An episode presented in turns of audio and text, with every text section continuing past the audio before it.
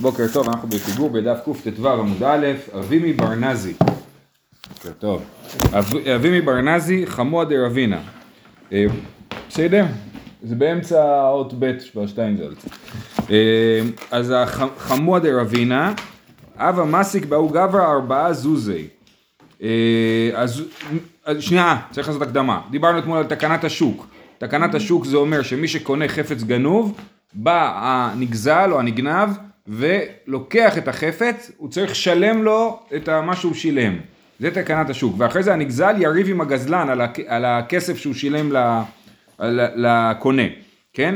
וחוץ מאשר, אמרנו, אה, זה המשפט האחרון שסיימנו בו אתמול, איכיתא בכולו עשו בו תקנת השוק, לבר מגנב ופרה בחובו, גנב ופרה בקופו. אם האדם הלווה כסף למישהו, והלווה בשביל להחזיר לו את הכסף גזל חפץ והחזיר לו את החפץ במקום, אז יבוא הנגזל, יגבה את החפץ מהמלווה, והוא לא יצטרך לשלם למלווה. אין בזה תקנת השוק. למה אין בזה תקנת השוק? כי אמרנו שהרעיון של תקנת השוק זה שבן אדם יהיה מאובטח כשהוא עושה, שהוא קונה, שהוא ירגיש בטוח, ירגיש שלא הולכים אחרי זה לקחת לו ולהגיד זה החפץ גנוב. כשמדובר על מלווה, המלווה ממילא ילווה, כן? הוא לא ילווה בגלל החפץ הגנוב, נכון? החפץ הגנוב הגיע בסוף הסיפור, ולכן אה, אה, בזה לא עשו תקנת השוק. אז, אז אביה בארנזי חמוד אבא מסיק והוא גברא ארבע זוזי. גנב גלימה, אתי אני עלי. אז מה אותו יהודי עשה? גנב גלימה, הביא לו אה, בתמורה לארבע זוזים שלו. אוזפי ארבע זוזי אחרני, אז הוא אמר, טוב, אם אתה מחזיר לי את ההלוואות, אז אני אלווה לך שוב פעם. הלווה לו עוד פעם ארבעה זוזים. לסוף הוכר הגנב, תפסו את הגנב, כן? זאת אומרת, אותו יהודי שלווה את הכסף, כן?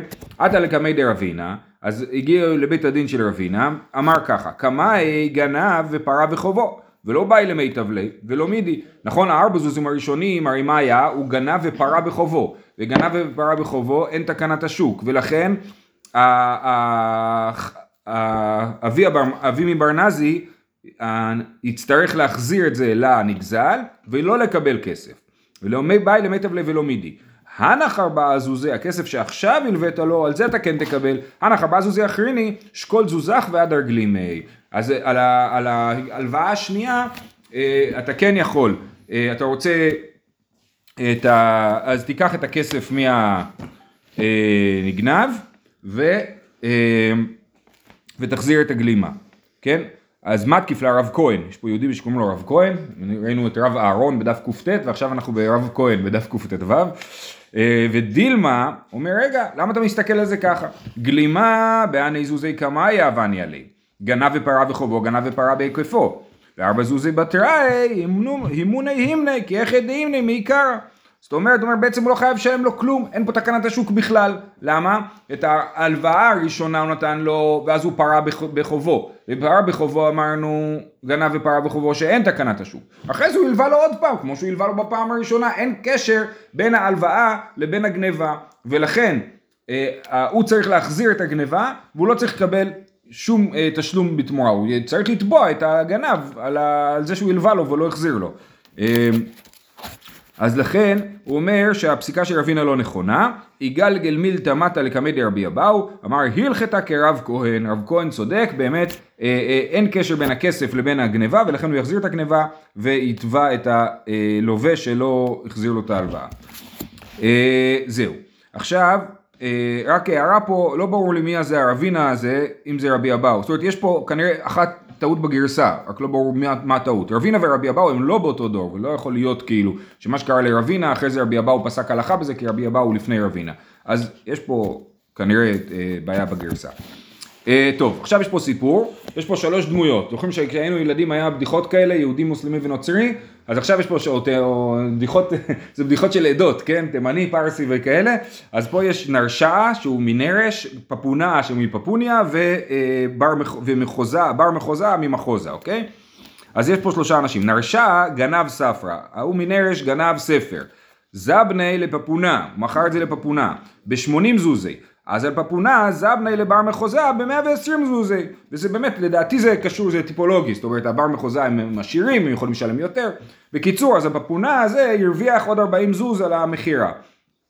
לסוף הוכר הגנב, תפסו את נר, נרשע הגנב, אמר אביי, לייזיל מרא ספרא, ויאהב לבר מחוז, עכשיו, עכשיו הנגנב, בעל הספר, יש עליו תקנת השוק, הוא צריך, הוא ייקח את הספר מבר מחוזה והוא צריך לשלם, אבל פה זה מורכב, איך הוא ישלם? כי הגנב ירוויח רק 80 שקל, הפפונה ירוויח עוד 40 שקל, אז מה יקרה?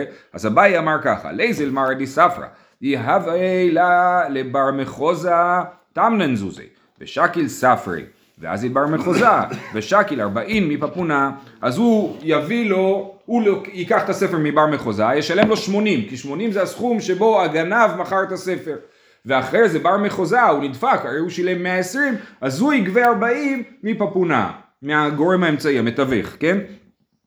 אמר, אמר לרבה, מה פתאום, מתקיף לרבה, השתא לוקח מגנב עשו בו תקנת השוק, לוקח מלוקח מבעיה, הרי תקנת השוק באה להגן על הלוקח מהגנב, נכון? קל וחומר שאם הוא קונה ממי שקנה מהגנב שיש עליו תקנת השוק להגן עליו, כי אני קניתי מאדם אמין, הוא, הוא קנה מהגנב, נכון?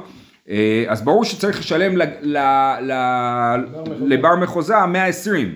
אלא אמר רבא ליזיל מרי דספרי ויהיב ליה לבר מחוזאה 120 זוזי ושקיל ספרי וליזיל מרי דספרא ולישקול ארבעים מפפונאה ותמנן מנרשאה. הוא בעצמו ילך ויגבה את הכסף. הוא יגבה שמונים מהגנב, כי זה מה שהגנב הרוויח, ויגבה עוד ארבעים מהפפונה, כי זה מה שהוא הרוויח. כן? וככה הוא יקבל חזרה את הכסף שלו, אבל הוא יצטרך לעשות את העבודה של ה... אה, להשיג את הכסף. זהו, סיימנו עם תקנת השוק, עוברים לעניין הבא. זה בא בחביתו של יין וזה בא בכדו של דבש. נסדקה חבית של דבש ושפך זה את ינו והציל את הדבש לתוכו. אין לא אלא שכרו. כן, אז, אז הדבש הוא יותר יקר מהיין, אני רואה שהחבית של דבש נסדקה, אני מהר שופך את היין שלי, מציל את כל הדבש, והוא ישלם לי את שכרי, כאילו על העבודה שלי, אבל הוא לא ישלם לי את היין שנשפך לי. דיברנו על זה דיברנו על זה, כן, דיברנו על זה לפני יומיים, וראינו משהו סותר, ולא מצאתי לזה פתרון, אז אני לא מזכיר את זה. ראינו גם שם שיש מחלוקת, במשנה הקודמת. לא במשנה, היה ב... במשנה, ואז הזכרנו את זה. זה היה לפני המשנה. לא, זה היה... היה על נחיל, נכון? אחרי נחיל, היה, לפני המשנה הקודמת, היה... לא, אבל במשנה בקי"ד... תנאי בית דין שיש הופך את עינו. לא, אבל זה מחלוקת שם. שם זה מחלוקת אם אני יכול לקצוץ את הענף. מותר לי לכתחילה לקצוץ את הענף על מנת לקבל דמים, או אסור לי לעשות את זה. זה היה המחלוקת במשנה. לא הקוץ ניצחון. נכון, כן, אבל זה עניין של גזר. פה, מדובר פה על תנאי בית דין, בסוף, בגמרא לגבי היין והדבש. טוב, אה, באמת יש לי בעיה עם זה, אני לא יודע מה לעשות עם זה. אה, וגם לא ראיתי שתוספות מתייחס לזה, שזה משונה. בכל אופן, אז הוא אומר ככה, אם הוא שופך את היין ומציל את הדבש, הוא לא צריך לשלם לו על היין. ואם אמר, אציל את שלך ואתה נותן לי דמי שלי, חייב ליתן לו. אז הוא כן, אם הוא עשה לו תנאי, והוא אמר, אני מוכן, אני אשפוך את היין, רק אם תבטיח לי שתשלם לי על זה, אז הוא כן משלם לו. אותו סיפור, שטף נח, נחל, חמורו וחמור חברו, שלא יפה מנה ושל חברו 200, אז הוא במקום להציל את החמור הזול, הוא מציל את החמור היקר. הניח זה את שלו והציל את של חברו, אין לו אלא שכרו, הוא ישלם לו שכר, אבל לא אל החמור. אם אמר לו, אני אציל את שלך ואתה נותן לי את שלי, חייב ליתן לו. שואלת הגמרא, ועמי, לימה לימה הפקרה כזכינה. יגיד, אומר לו, אני שפכתי את היין, וזכיתי בדבש מההפקר, כי הדבש שלך הלך להישפך, בעצם הפקרת אותו, אני לקחתי את כל הדבש, עכשיו הוא שלי. אתה רוצה דבש חזרה, לפחות שלם לי על היין, כן? אז הוא, ויש הוכחה שאפשר להגיד אה, מהפקר זכינו במקרה כזה שנשבר לי החבית. מי לא תניא, הרי שהיה טעון כדי יין וכדי שמן, וראה שאין משתברות. לא יאמר איזה תרומה או מעשר על פירות שיש לי בתוך ביתי. אני רואה שיש לי כד, כד יין שעכשיו נשבר, אז אני אגיד מה, חבל על כל היין הזה. אז אני אגיד זה תרומות ומעשרות על כל היין שאני צריך להפריש עליו תרומות ומעשרות. אז את זה הוא לא יכול לעשות, נכון? לא יאמר איזה תרומה או מעשר על הפירות שיש לי בתוך ביתי, ואם אמר לא אמר כלום. לא, אסור לעשות את זה, ואם עשו את זה זה לא עובד. אז הנה אנחנו רואים שאם זה נשפך זה נהיה הפקר, כי אם זה לא היה הפקר הוא היה יכול לעשות את זה, הוא היה יכול להגיד זה עדיין שלי, אני יכול להפריש על זה תרומה ומעשרות, אלא שברגע שזה מתחיל להישפך זה מופקר, ובגלל שזה מופקר הוא לא יכול להפריש על זה תרומות ומעשרות. אומרת הגמרא, כדאמר רבי ירמיה, כשעקל בית הבד כרוך עליה. זאת אומרת, עקל בית הבד זה הסל כזה ששמים בו את הגפת של הזיתים בשביל להוציא עוד שמן, ו... אה, אה, הוא עוטף, כנראה הוא עוטף עם זה את, ה, את, ה, את הכד, שלא יטפטף, שיטפטף קצת ולא יכול להישפך בבת אחת, כן? אז המשנה שלנו זה לא הפקר כי הקל בית הבד כרוך עליה, זה לא שהכל עכשיו נשפך ככה, אז באמת הכל הפקר, אלא שזה לאט לאט, גם דבש זה יותר גבישי, זה לא נשפך מיד, אז זה לא הפקר. כי הקל בית הבד כרוך עליה, והברייתא, שאנחנו רואים שזה כן הפקר, זה מקרה שאין הקל בית הבד כרוך עליה. אז כדאמר רבי ירמיה, כשהקל בית הבד כרוך עליה, החנמי כשהקל בית הבד כרוך עליה. רבי ירמיה, אנחנו נראה אותו בהמשך, איפה הוא אמר את זה במקור. ואם אמר, לא אמר, ואם אמר לא אמר כלום, ממשיכה הגמרא לעסוק בברייתא שאומרת שאם הוא כן אמר את זה, זה לא עובד, הוא לא יכול להפריש תרומות ומעשרות מהיין שנשפך. והתניא, מי שבא בדרך ומעות בידו ואנס כנגדו. יש לי כסף ביד ואני רואה מולי שודד, אני יודע שזהו, הלך הכסף, כן? אז מה אני עושה? אני גם רוצה לעשות קומבינה. לא יאמר, הרי פירות שיש לי בתוך ביתי מחוללים, מחוללים אבל המעות הללו, כן? אז אני אגיד, טוב, יש לי מעשר שני לחלל על כסף, זה יהיה, הכסף הזה יהיה הכסף מעשר שני שלי, ואז השודד ייקח את זה, לא נורא אם הוא ייקח את זה, אני לא אעלה לירושלים ויאכל, כן? אז את זה לא לעשות, כן? ואם אמר דבריו קיימין, אה, אבל אם הוא אמר את זה, זה עובד. בניגוד למקודם שראינו שאם הוא אמר את זה, זה לא עובד. אחאב מעסקינן, בשיכול להציל, כן? ב... אה, עונה הגמרא, שלמה זה עובד? כי הוא יכול להציל. הוא אומר, אולי השודד ינצח אותי, אולי ננצח את השודד, אני עוד לא יודע, כן? אז הוא יכול להציל ולכן זה כן עובד. אם הוא לא יכול להציל, כמו היין שנשפך, זה לא עובד. אומרת הגמרא, איבי שיכול להציל לכתחילה, מה היא לא יאמר? אז רגע, אז למה לא יכול לעשות את זה לכתחילה? הוא רואה שודד, אומר, טוב, זה מעשר שני, ועכשיו אני אלחם על זה כמו אריה, כי זה מעשר שני, כן? אז אומרת, שיכול להציל על ידי הדחק. זאת אומרת, אה, אה, הוא לא בטוח, כן? אולי הוא יציל, אולי לא, אולי הוא יצליח, אולי לא יצליח. לכן לכתחילה לא לעשות את זה, אבל אם הוא עשה את זה, זה כן עובד. אה, בניגוד, שוב, למקרה הקודם, שאם הוא אמר לא אמר כלום, כי הוא לא יכול להציל. וכל איכא דאיכא הפסדה לכתחילה לא יאמר, המשפט הזה הוא לא ברור והבח גם מוחק אותו, כן? אבל כאילו יוצא שכל איכא דאיכא הפסדה לכתחילה לא יאמר. כל מקום שיש אה, התכנות להפסד, כן? יכול להציע ידי הדחק, אז לכתחילה לא יאמר. ככה יוצאת המסקנה ממה שאמרנו עכשיו. והתניא, גם על זה יש קושייה. הרי שהיו לו עשר חביות של תבל טמא. וראה אחת שנשברה או נתגלתה. יש לו תבל טמא, עשר חביות, ואחרי זה אנחנו מבינים שהכוונה היא למעשה ראשון, כן? עשר חביות של מעשה ראשון, שזה אה, זה לא תבל, זה טבול למעשה ראשון כאילו, כן? זה, זה, טבול למעשה ראשון, צריך עוד להפשיר שזה תרומת מעשר. וזה טמא, זאת אומרת שהתרומה שהם מפרישים מזה אי אפשר לאכול אותה, כי אסור לאכול תרומה טמאה. אז בכל אופן זה דבר שהוא לא שווה את הערך שלו אה, כמו שצריך, כן? אז יש לו עשר חביות של תבל טמא, וראה אחת מהן שנשברה או שנתגלתה, ומשקים מגולין, אסור לאכול אותם, שמא ההנחה ששם בהם ארס. אומר, או, oh, הרי היא תרומת מעשר על תשע חברותיה, כן? אז הוא כן יכול להפוך אותה להיות תרומת מעשר על תשע חברותיה. ובשמן לא יעשה כן מפני הפסד כהן, הנה הכהן הגיע, כן? אז בשמן לא יעשה כן, אז הוא יכול לעשות את זה כאילו ביין, אבל בשמן הוא לא יעשה את זה, למה? כי שמן טמא, מה עושים עם שמן טמא של תרומה? מדליקים. אותו, נכון? עושים אותו נרות, נרות וזה, אז, אז יש הפסד בשמן טמא, אבל ביין טמא כאילו אין הפסד, יין טמא שהוא נשפך, אה, אה, יין טמא כאילו אין מה לעשות איתו, אז, אז, הוא נטמע, נגע בו טמא. כן? אז, אז, אה, אה, אז אה, לכן, ביין טמא אפשר לעשות את זה כי אין הפסד כהן. בשמן טמא אי אפשר לעשות את זה כי אין הפסד כהן. כי יש הפסד כהן, נכון? יפה. אז, אז מה אנחנו רואים פה? אנחנו רואים פה שלכתחילה הוא יכול להפוך את התבל הטמא למעשר כשזה נשפך, נכון? למרות שהוא לא יכול להציל את זה, או שאולי הוא יכול להציל את זה על ידי הדחק, אבל בוא נלך, הוא לא יכול להציל את זה, ואנחנו רואים שלכתחילה הוא יכול אה, להגיד שזה תרומה. אומרת הגמרא, אמר רבי ירמיה, כשהקל בית הבד כרוך עליה, כאן הוא אמר את זה, כן? לכן זה מותר לכתחילה, כי הקל בית הבד כרוך עליה, זה רק מטפטף, זה לא שבור ונשפך הכל בבת אחת, זה רק מטפטף, הוא יכול להציל את זה, ולכן מותר לו לעשות את זה. אומרת הגמרא זה לא מתרץ לגמרי, בישל מה שנשברה חזיה, אז יש לנו חבית של יין שנשברה ויש לזה עקל בית הבד אז יש בזה איזה סדק וזה מטפטף אז הוא יכול להפריש מזה תרומת מעשר. אבל אם זה נתגלה אז באמת אי אפשר לעשות מזה כלום אלא נתגלתה. למאי חזיה וכי תימא חזיה לזילוף מה אפשר לעשות עם יין אה, טמא אה, פלוס עכשיו מה אפשר לעשות עם יין, יין תרומת טמא אפשר לזלף אותו כמו בושם כמו מתאר אוויר כזה כן אפשר לזלף אותו. מותר. מה? הוא לא יכול למכור את זה לגוי. לא? לא. לא יכול למכור את זה לגוי. אה, לא מדובר על התגלתה, לא על... כן, כן, שנייה, רגע. לפני כן. מדובר על הברייתא. בברייתא מדובר על תרומת טמאה, כן? על תבל טמא. אז בכל אופן הוא יכול לזלף את זה. ואם זה נתגלה ויש בזה ארץ של נחש, אז אסור אפילו לזלף את זה. תימה, אז באמת זה לא ראוי לכלום. וכי תימה חזיה לזילוף, אז איך הוא יכול להפריש אה, בחבית שנתגלתה שלא ראויה לכלום? מילא שאר התבל הטמא עוד ראוי לזילוף, אבל זאת החבית שנתגלתה לא ראוי לכלום. כן? וחיתם יחזה לזילוף והתניא, מים שנתגלו הרי זה לא ישפכם ברשות הרבים, ולא יגבל בהן את הטיט, ולא ירבץ בהן את הבית, ולא ישקם מהם את בהמתו, ולא בהמת חברו. אי אפשר לעשות כלום עם המים שנתגלו, וגם עם היין שנתגלה, אי אפשר לזלף אותו. אז באמת כאן כשהוא מפריש מהחבית שנתגלתה על החביות האחרות, הוא באמת הופך את החבית הזאת להיות לא ראויה לשום דבר. כן? אז איך זה יכול להיות שזה מותר לכתחילה? אז תירצנו לגבי נשבר שזה אק על בית הבד, אבל מה לגבי נתגלה? אומרת הגמרא, עבר לה במסננת כרבי נחמיה, יש לזה פתרון. מה הפתרון לחבית שאולי הקיש אותה נחש? איך הולך?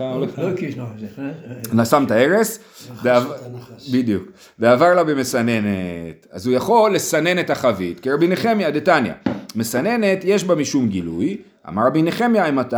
בזמן שהתחתונה מגולה, אבל בזמן שהתחתונה מכוסה, אף על פי שהעליונה מגולה, אין בה משום גילוי, לפי שארס של נחש דומה לספוג, וצף ועומד במקומו. אז המחלוקת המקורית היא על, על אה, פשוט חבית שלמעלה אין מכסה אלא מסננת. כן? אז רבי נחמיה אומר הארס לא עובר למטה, אבל מזה יוצא שבעצם אפשר לסנן את החבית, כן? חבית שיש בה ארס אפשר לסנן אותה. ואז זה מה שיעשו עם החבית הזאת של היין, התרומה הטמאה, יסננו וישתמשו לזילוף. אז אפשר, אז כיוון שאפשר עוד לעשות עם זה משהו, לכן מותר לכתחילה להפריש. אה, כי רבי נחמיה חושב שהארס הוא כמו, דומה לספוג, וצף ועומד במקומו, ככה הוא כותב. נחלקו עליו, אבל זאת שיטתו. אה, אומרת הגמרא, רגע, להביא מרלה אמר רבי סימון אומר רבי יהושע בן לוי, לא שנו אלא שלא תרקו, אבל תרקו אסור, ברגע שהוא מערבב את זה, זה לא עובד, כן? אז אה, פה אם הוא ישפוך את זה הוא יערבב את זה, אז זה לא יעבוד, אי אפשר באמת לסנן. התמנמי אפשר דמנח מידיה פומא דחביתא ושפילה, צריך להיות אה, עם ו', כן?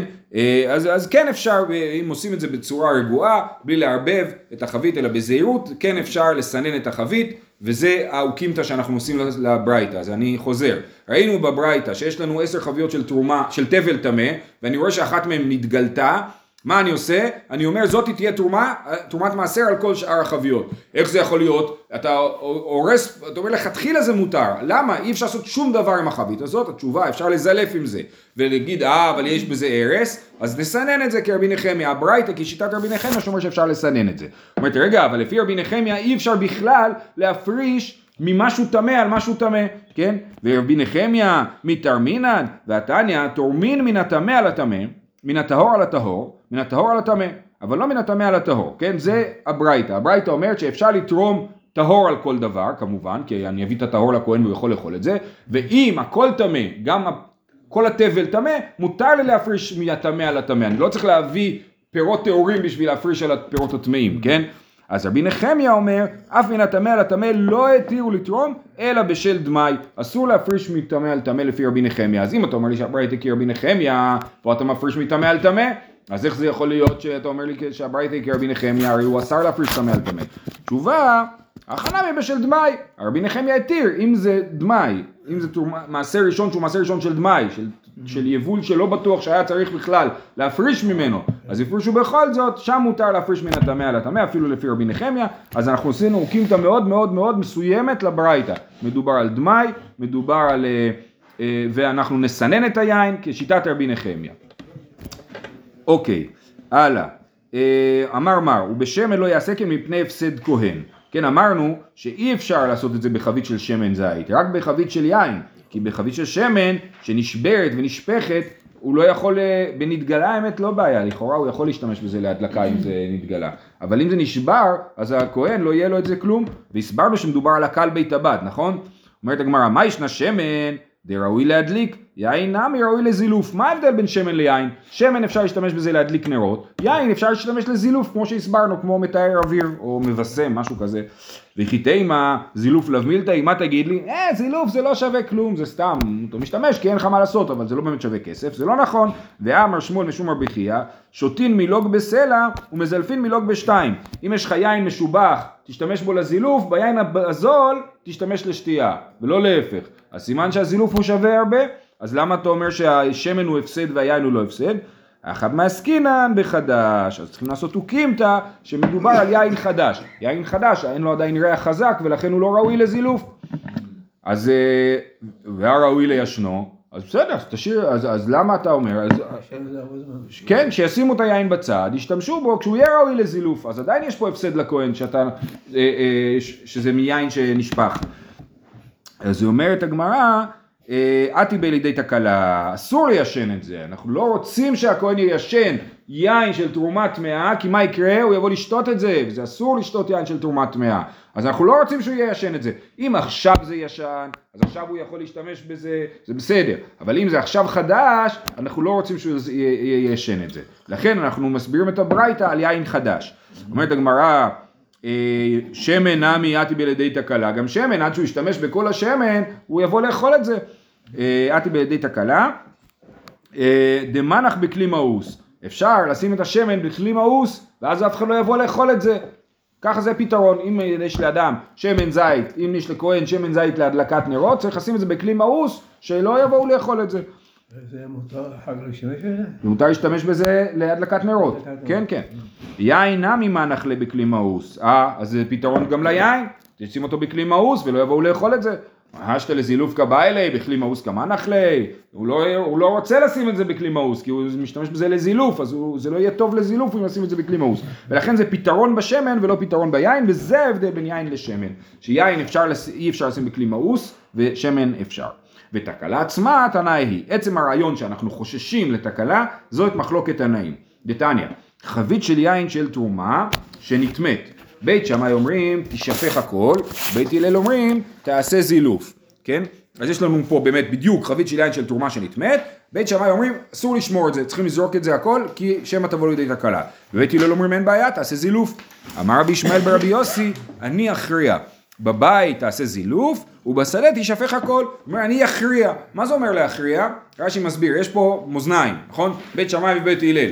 ורבי ישמעאל ברבי יוסי רוצה להכריע. אז הוא אומר, אני, במקרה של בית, אני אעמוד על המאזניים של בית הלל, תעשה זילוף. במקרה של שדה, אני אעמוד על המאזניים של בית שמאי ותשפך הכל. וככה אני אכריע, כל פעם אני אכריע לצד אחר את המאזניים. כן? מה ההבדל בין בית לשדה? בבית אה, שיעשה מיד זילוף. בשדה, עד שהוא יביא את זה הביתה, אז אנחנו חוששים לתקלה. זה הרבי ישמעאל ברבי יוסי. ובחדש תשפך הכל.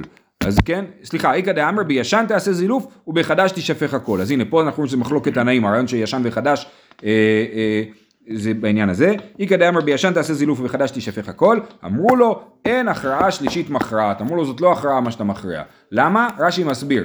כי אם, אם בית הלל היו אומרים, בין בשדה או בין בבית, או בין בישן בין בחדש, כן, בית שמאי אומרים בין בישן בין בחדש תשפך, בית הלל אומרים בין בישן בין בחדש תעשה זילוף, והוא אומר לא, בישן ככה, בחדש ככה, אבל זה שהם לא אומרים בין בישן בין בחדש, זה אומר שהם בכלל לא חושבים כאילו בקטגוריות האלה, ולכן הוא לא יכול לחשב למכריע, ככה רש"י מסביר, לרבנו תם יש הסבר אחר, בתוספות, אה, אבל בכל אופן אין פה הכרעה. אה, אז לכאורה הלכה כבית הלל שתעשה זילוף.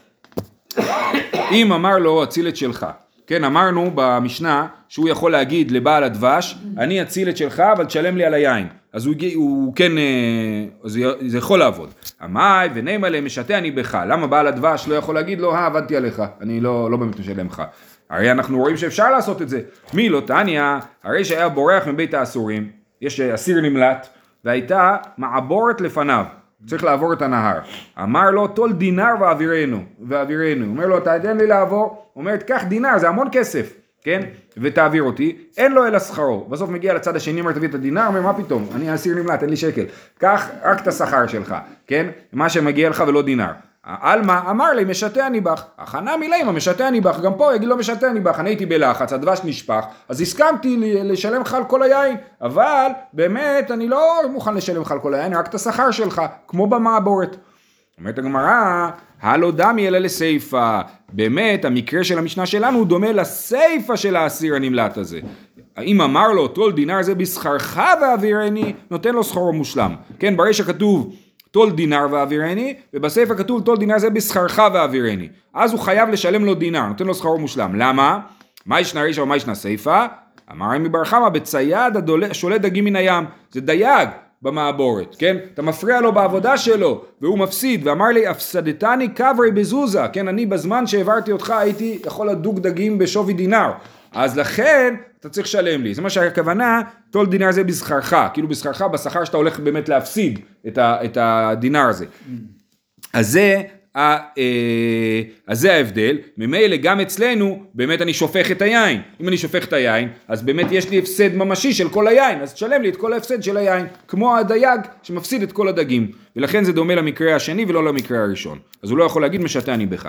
שטף נהר חמורו וחמור חברו, אומרת הגמרא צריכה, למה המשנה הייתה צריכה להשמיע לנו גם על החמור וגם על הדבש, זה אותו מקרה בעצם, דיה שמינן קמייתא, התמוד כיפרש יאיב לי דמי, כולי, משום די בידיים כפסית. אבל אחא דממילא, נימה אין לו אלא שכרו. מה ההבדל בין החמור ליין? בחמור, החמור שלי תובע בעצמו, כן?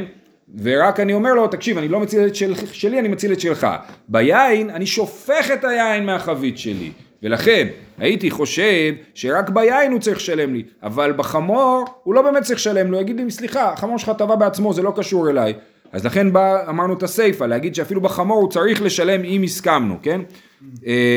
דקי פירש, פירש הכוונה היא שהוא אמר לו אם אציל את שלך אז תיתן לי את שלי, יעיב לי דמי כולי, משום דבר ידיים כפסיד, אבל אחא דממילא נימה אין לו אלא שכרו. ויש מוינן סיפא, אם היינו אומרים רק את המקרה של החמור, אז היינו אומרים הפוך, אחא הוא דבסתמא אין לו אלא שכרו משום דממילא, אבל אתם דבידיים, הם אפילו בסתמא יאיב לי דמי כולה. אז היינו חושבים, היה כתוב רק את המקרה של החמור, אז היינו חושבים ש...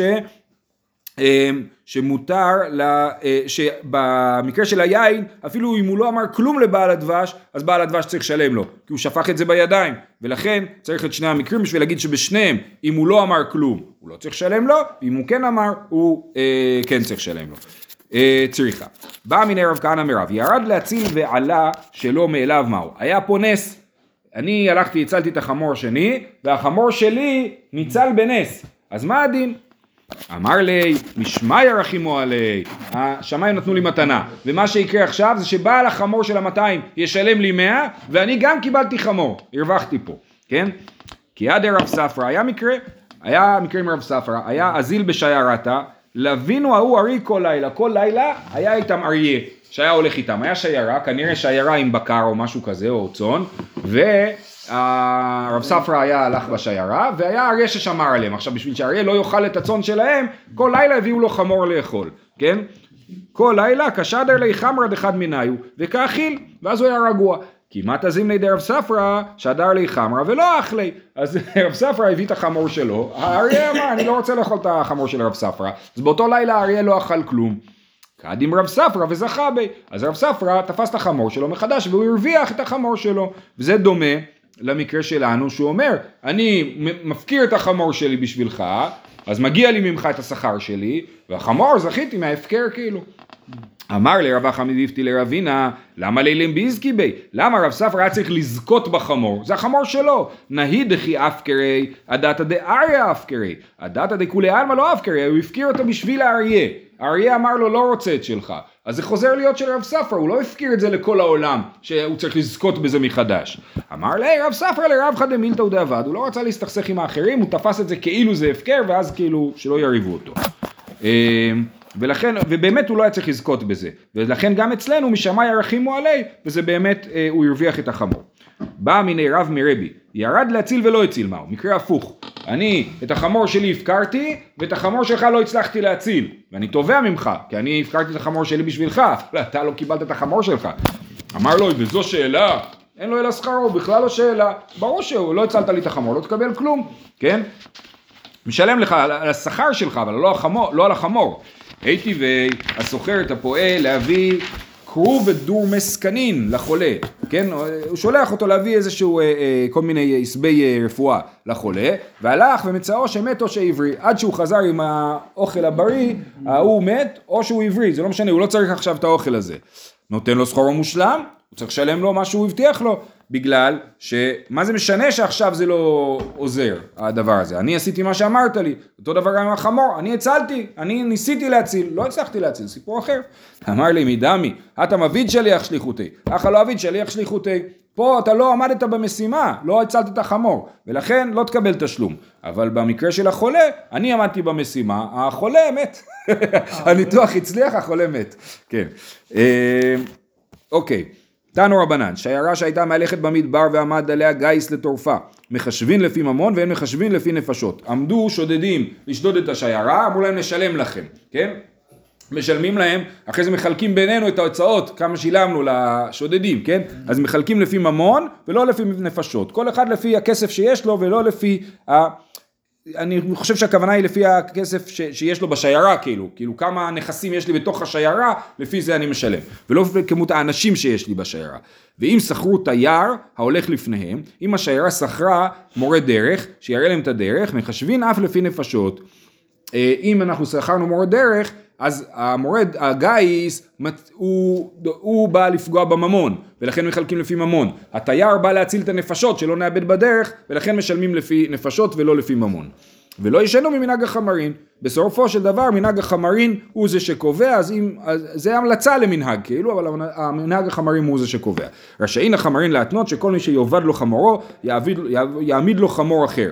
כן, יש בינינו תנאי, שאם אני מאבד את החמור, מביאים לי חמור אחר בשיירה, כן? אבל בכוסיה אין מעמידים לו, שלא בכוסיה מעמידים לו. זאת אומרת, אם יש פה פשיעה, אם הוא לא שמר על החמור שלו, לא מביאים לו חמור אחר, אבל אם הוא שמר על החמור שלו והלך החמור, כן מביאים לו חמור אחר, ואם אמר תנו לי ואני אשמור, אין שומעים לו, כן? הוא אומר בכל זאת תביאו לי ואני אשמור, אה לא סליחה, הוא אומר, טוב יש פה כמה הסברים, אבל בואו נלך הסבר, שהוא אומר תנו לי כסף על החמור, אני לא, לא אקנה חמור, אתם חייבים לי חמור כאילו, נכון? תביאו לי כסף, אני אשמור כאילו יש לי חמור, אני אהיה חלק מהשיירה כאילו יש לי חמור, לא מסכימים, אין שומעים לו. אומרת הגמרא פשיטא, ברור שאם אין לו חמור הוא לא יכול להיות חלק מהשיירה. לא צריכה דאית לי חמר אחרינה. מהו דתימה קמינטר לי? בכל אופן הוא חלק מהשיירה כי יש לו חמור אחד. כמשמע לן שני נטירותא דחד מנטירותא דביתרי. אנחנו לא סומכים עליו שהוא ישמור כאילו היו לו שני חמורים. ולכן אם הוא אם, או שהוא מקבל חמור חדש, או שהוא לא מקבל כלום, כן? כי אנחנו רוצים שיהיה לו עוד חמור, כדי שהוא יהיה חלק מהשיירה, וייקח חלק בשמירה, כאילו יש לו שני חמורים. אז שיהיה לו שני חמורים, ולא כאילו. זהו, אנחנו נעצור פה, שיהיה לכולם יום טוב.